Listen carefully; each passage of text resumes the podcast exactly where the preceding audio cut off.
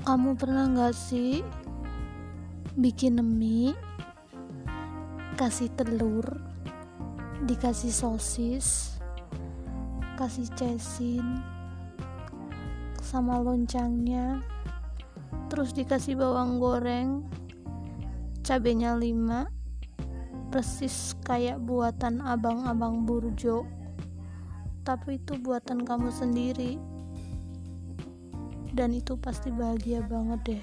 Lupa sama masalah hidup. Ya gitu deh